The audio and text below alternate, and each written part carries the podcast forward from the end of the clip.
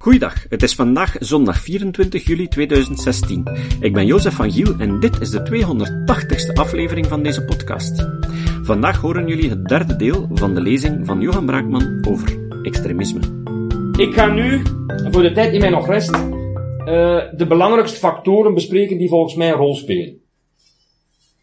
En hoe dus, dus wat ik wil begrijpen is, en hoe dus mensen die geen psychopaten zijn, relatief normaal zijn, in zekere zin, zoals u en ons, ook al doen ze heel abnormale dingen, hoe die, hoe die dus daartoe komen. En dat is hier het punt dat ik wil proberen te begrijpen. Ja. En dus, u zal merken, je kunt niet zomaar zeggen, het is allemaal de schuld van de islam, of het is allemaal door discriminatie, of het is allemaal door te veel testosteron, of weet ik veel wat. Dus, ja, dat is het dus niet. U zal merken, ik focus toch vooral op psychologie en religie. Maar je kunt dat niet zomaar uit elkaar halen. Zonder te ontkennen, of zonder te beweren, dat die andere factoren daar geen enkele rol in spelen. Ik hoop dat ik dat toch min of meer kan overbrengen. Eén, iets wat we goed kennen uit uh, de psychologie, de sociale psychologie, is de in-group-out-group differentiatie. Ik heb daar, daar net al op gealludeerd. Dat is iets wat we toch al 50 jaar goed bestuderen.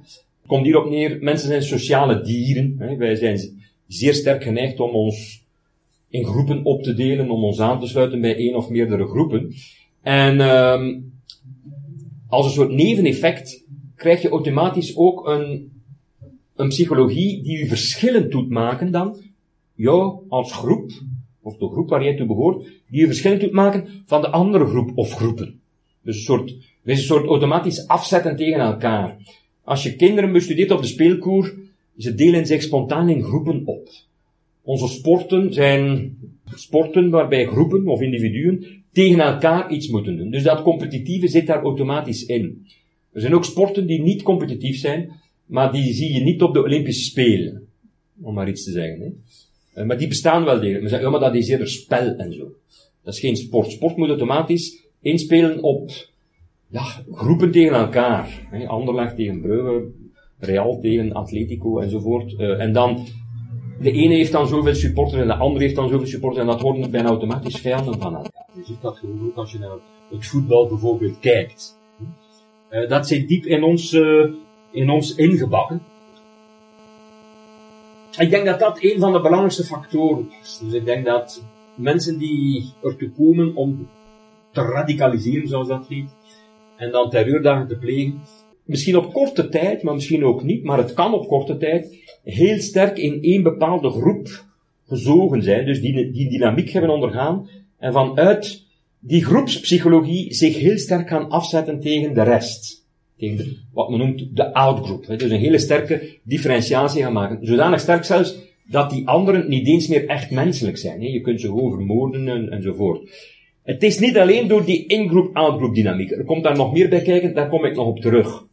Er zijn dan allerlei zaken, en daar speelt religie denk ik dan een rol in, die ervoor zorgen dat die ingroep waartoe je behoort, stel je bent een radicaal, radicaliserende moslim en je komt in zo'n ingroep terecht, zoiets als Sharia for Belgium of, of wat dan ook, hè. je kunt daar niet altijd zo je vinger op leggen, uh, die hebben ook niet altijd een website of zo. Hè.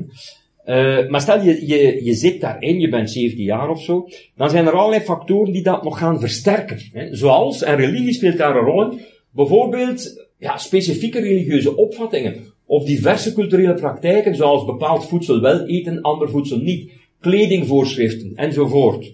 Kijk, in de islam bijvoorbeeld, zoals in alle godsdiensten, heb je sowieso al voorschriften over van alles en nog wat. Over seksualiteit, over voeding, over uh, bidden, hoe je moet bidden, alle rituelen, uh, wat je moet doen uh, bij de geboorte, bij de dood, van alles. Ja? Maar wat je ziet is dat zo mensen die tot zo'n groep gaan behoren die strenger wordt, aan sterkere differentiatie gaat doen met ten opzichte van andere groepen, die gaan die dingen een stapje verder zetten. Die mensen houden letterlijk discussies bijvoorbeeld over de vraag hoe lang een broek mag zijn. Salafisten bijvoorbeeld, dat is heel belangrijk, eh, die willen leven heel echt volgens de profeet. En die broek mag niet te kort zijn, die broek mag niet te lang zijn. Die voeren een discussie over de lengte van de baard van de profeet, enzovoort. En dan, u begrijpt, als je dus in die dynamiek terechtkomt, dan is het makkelijk om te denken dat jij het juist hebt. En jij en jij en jij ook. En wij zijn de goeie in onze groep. Maar die daar, die zijn baard is twee centimeter te lang. Kom aan. Snap je? En dan is het makkelijk om die als een soort vijand, een soort afvallige te beschouwen. Dat is eigenlijk op een heel simpele manier ook uitgelegd hoe het kan dat terreur door moslims vaak tegen andere moslims gericht is. Dus dat heb ik daarnet al even, of in het begin al even proberen toe te lichten. Dus, dus die isolerende factoren, ik denk dat dat erg belangrijk is. Ja. Ik ga, ja, over een half uurtje of zo als ik stop, proberen ook een paar suggesties te geven over wat we er zouden kunnen aan doen. Want dat is natuurlijk ook de vraag waar veel mensen nu mee bezig zijn. Uh, dat er is ook niet één ja, magic bullet, zegt men in het Engels. Er is niet één zaligmakende oplossing. Maar ik denk dat je op verschillende zaken tegelijk kunt inspelen. Ik geef nu al even mee die isolerende factoren tegengaan. Ik denk dat dat een grote rol kan spelen. Omdat je daardoor eigenlijk die in-groep-out-groep dynamiek doorbreekt. En dat is erg belangrijk. Want dat, dat is een soort stepping stone. Hè? Want eens je daarin zit, dan volgt de rest bijna vanzelf. Hè? Dus die interne dynamiek wordt blootgelegd door allerlei experimentjes die we goed kennen. Uh, sommige zijn zeer beroemd. Bijvoorbeeld Blue Eyes, Brown Eyes uh, is een experiment van een, een kleuterjuf, 50 jaar geleden al. Er was daar onlangs nog iets rond te doen, omdat een Vlaamse televisiekanaal dat even opnieuw heeft gedaan en zo, maar eigenlijk op een niet zo echt goede manier. Enfin, misschien heeft je dat opgevangen.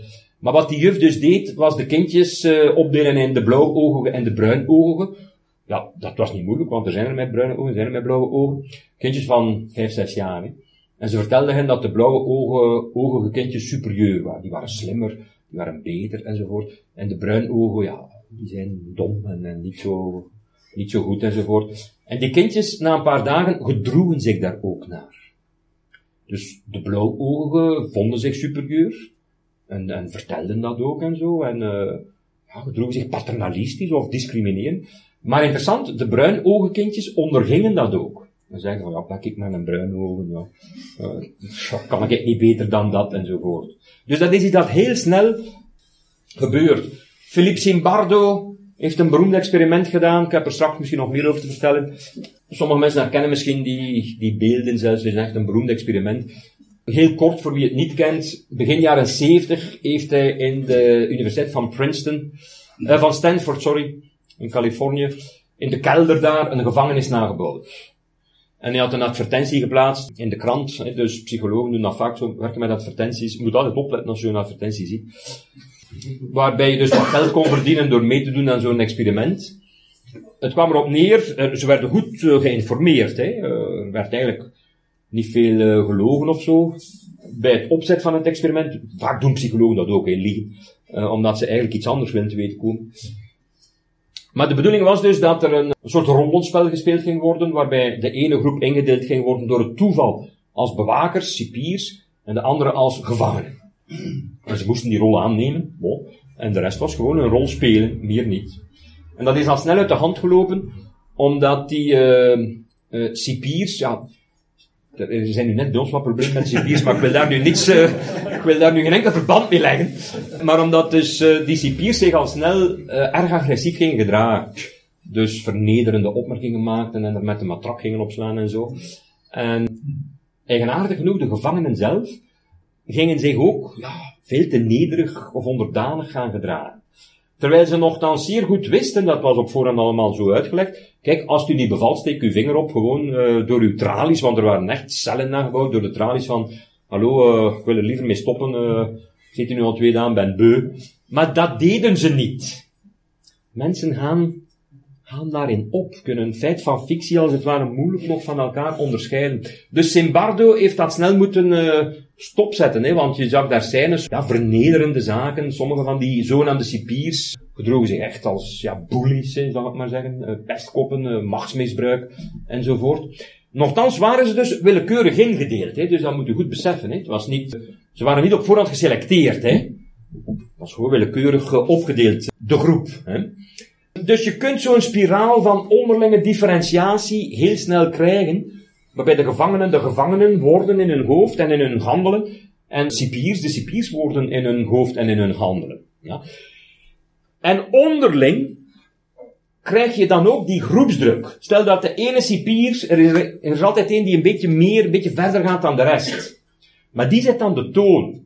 Als jij dan niet meedoet, dan lijkt het bijna, gaat kort de bocht zijn, dan ben je een beetje verrader zelfs, of een spelbreker, spelbederver. Dus je moet Je moet wel mee. Zie je? Als de ene zegt, de baard van de profeet is zo lang, ja, ja je moet mee. Ook al zeg je, ja, wat, is dat nu van belang? Eh, bon, daar gaat het hier toch niet om. Je moet mee, want dat worden dus labels van betrouwbaarheid. En als jij dat label niet draagt, bij in het geval van een baard letterlijk, of dat gedrag niet vertoont, ah, jij wilt geen moord plegen, ah, jij durft niet schieten, enzovoort, ja, dan, dan zegt dat iets over jou. Dan ben je misschien niet loyaal genoeg. Dan behoor je misschien wel niet echt tot de groep. Ik heb filmpjes die dat kunnen duidelijk maken, maar ik heb te weinig tijd om u die te tonen. Enfin, misschien eentje zal ik u toch tonen. Uh, hier. Om u duidelijk te maken hoe sterk dat groepsconformisme, heet dat dan, kan werken. Dus hoe groepsdruk mensen tot dingen, opvattingen en eventueel dan ook dus handelingen, want ik denk natuurlijk aan terreurdaden dan, in de extreme zin. Hoe mensen dus kunnen komen tot extreme opvattingen en daden, wordt op een simpel, maar toch, eigenlijk op een simpele, maar eigenlijk toch dramatische manier geïllustreerd door deze klassieker. Een experiment uit 1953 voor het eerst gedaan door deze meneer Solomon Ash. Ik kan u een filmpje tonen dat uit de jaren 70 is, dus een recenter filmpje. Maar het komt op hetzelfde neer. Wat Solomon Ash deed was het volgende. U ziet hier een bord en daar was dit op te zien. U gaat dat straks ook zien in het filmpje. Je ziet dus drie lijnen ABC. En hier heb je lijn X en de vraag die deze proefpersonen moeten beantwoorden is, met welke lijn komt X overeen? Is dat met A, B of C? U kunt duidelijk zien dat dat B is. B is het juiste antwoord. U kunt daar niet naast kijken. Akkoord? Ja. Maar, Ash, ook van achter ziet je dat toch, hè? Ja.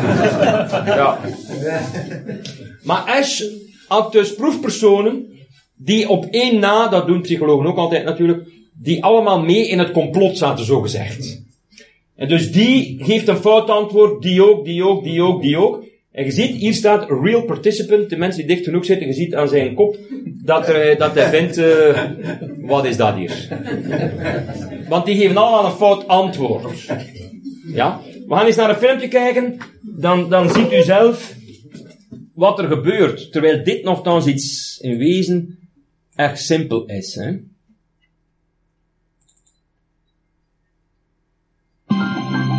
The Ash experiment is one of psychology's oldest and most popular pieces of research. A volunteer is told that he's taking part in a visual perception test.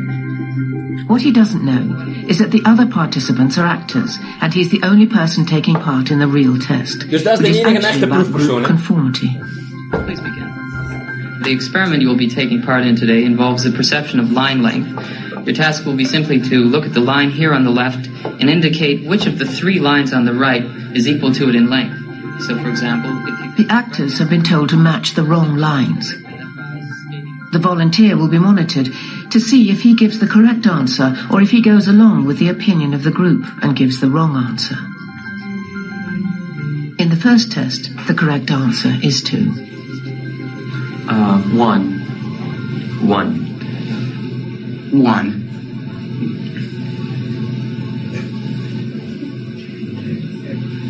Two. One. Once again, the correct answer is two. Three. Three. Three.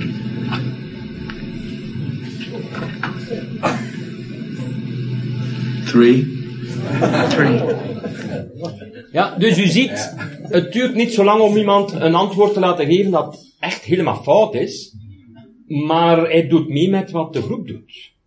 Meer dan 30% van de mensen in dit experiment geven dus een fout antwoord. Luid op. Uit schrik van ja, de rebel te zijn, de, degene te zijn die er niet bij hoort, de neus die in de andere richting wijst, eh, enzovoort. En dat is iets waar, waar wij de meeste mensen onder ons een sterke weerstand tegen hebben. Dus we doen over het algemeen wat de groep waartoe we behoren van ons vraagt.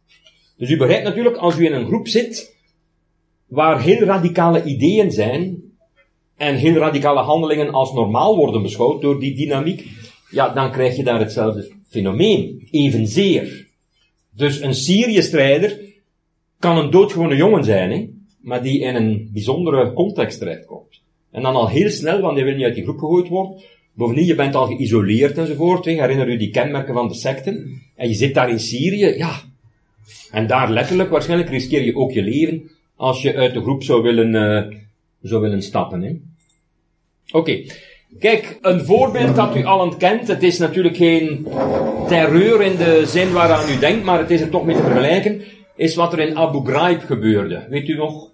Die foto's zijn de wereld rondgegaan, daar wordt trouwens ook vaak naar verwezen, als een mogelijke oorzaak, of, of, of een van de causale factoren voor het uh, islamitisch geweld dat we nu kennen. Hè. Maar dus Amerikaanse soldaten, zoals deze vrouw hier, uh, Lindsay England, die uh, Irakese krijgsgevangenen martelden, vernederden uh, enzovoort. En daar foto's van namen en zich blijkbaar van geen enkel kwaad bewust waren. En dan, uh, dan is er door de Amerikaanse legertop gezegd, ja dat zijn de rotte appels, we gooien die daaruit, die mensen zijn ontslagen en voilà, klaar is Kees. Dat is eigenlijk een foute benadering. Dat is, dat is ook niet de benadering, denk ik, die wij moeten kiezen als we ons afvragen hoe komt het dat in het middelbaar, in Brussel enzovoort, of in Antwerpen of waar dan ook, veel voor de jongeren zijn die radicaliseren. Je kunt niet zeggen, oh dat zijn de rotte appels of zo. Uh, dat is niet de juiste benadering. Lindsay England was daarvoor een min of meer gewone vrouw ook. Maar die in een dynamiek is terechtgekomen van in-group, out-group en differentiatie en wij tegen zij. Een soort Simbardo, Philip Simbardo-achtig ding. Zie Simbardo heeft zelfs getuigd tijdens dat proces, heeft erop gewezen van wat ik hier nu doe, ik denk dat hij dus gelijk heeft. Nee, dit is op zich geen rotte appel. Dit is iemand die door de context waarin ze zich bevindt daden doet, waarbij ze zich niet meer realiseert dat ze radicaal fout zijn. Er zijn allerlei studies die dat aantonen. Ik zal u er straks nog andere ook geven. Als voorbeeld. Een tweede element, naast die in-group, out-group kwestie, denk ik, is een streven naar zuiverheid, naar morele superioriteit, naar zingeving. Als je dat zo los zou zien, dan lijkt, lijkt dat niet eens zo negatief, niet waar? Ik bedoel, ik zou je een lezing kunnen geven over de zin van het leven of zo, en dan zou dat ook uh, terecht, kon dat ook op een dia staan. Dat mensen streven naar zuiverheid en dat we dat misschien allemaal in ons leven misschien een beetje meer zouden moeten doen enzovoort. En soms denkt u dat wel eens van uzelf zo, misschien rond nieuwjaar of zo, uh, ja, uh, het is toch het moment nu. En sommige mensen voegen de daad bij het woord en treden in een klooster in bijvoorbeeld, hè, of gaan zich radicaal anders gedragen, gaan plots gaan trainen voor een marathon of zo. Of, uh, dat is op zich niet zo abnormaal. We streven naar zuiverheid in allerlei van, kan, kan stoppen met drinken, kan stoppen met, met dit te doen, ik kan u geen voorbeelden geven, want het lijkt dan al snel dat ik mensen persoonlijk kan viseren of zo. Maar uh, iedereen kan voor zichzelf wel zo voorbeelden bedenken, of ziet dat makkelijk bij de ander. Een streven naar zuiverheid, dat is ons niet vreemd. Hè? Dat is niet abnormaal.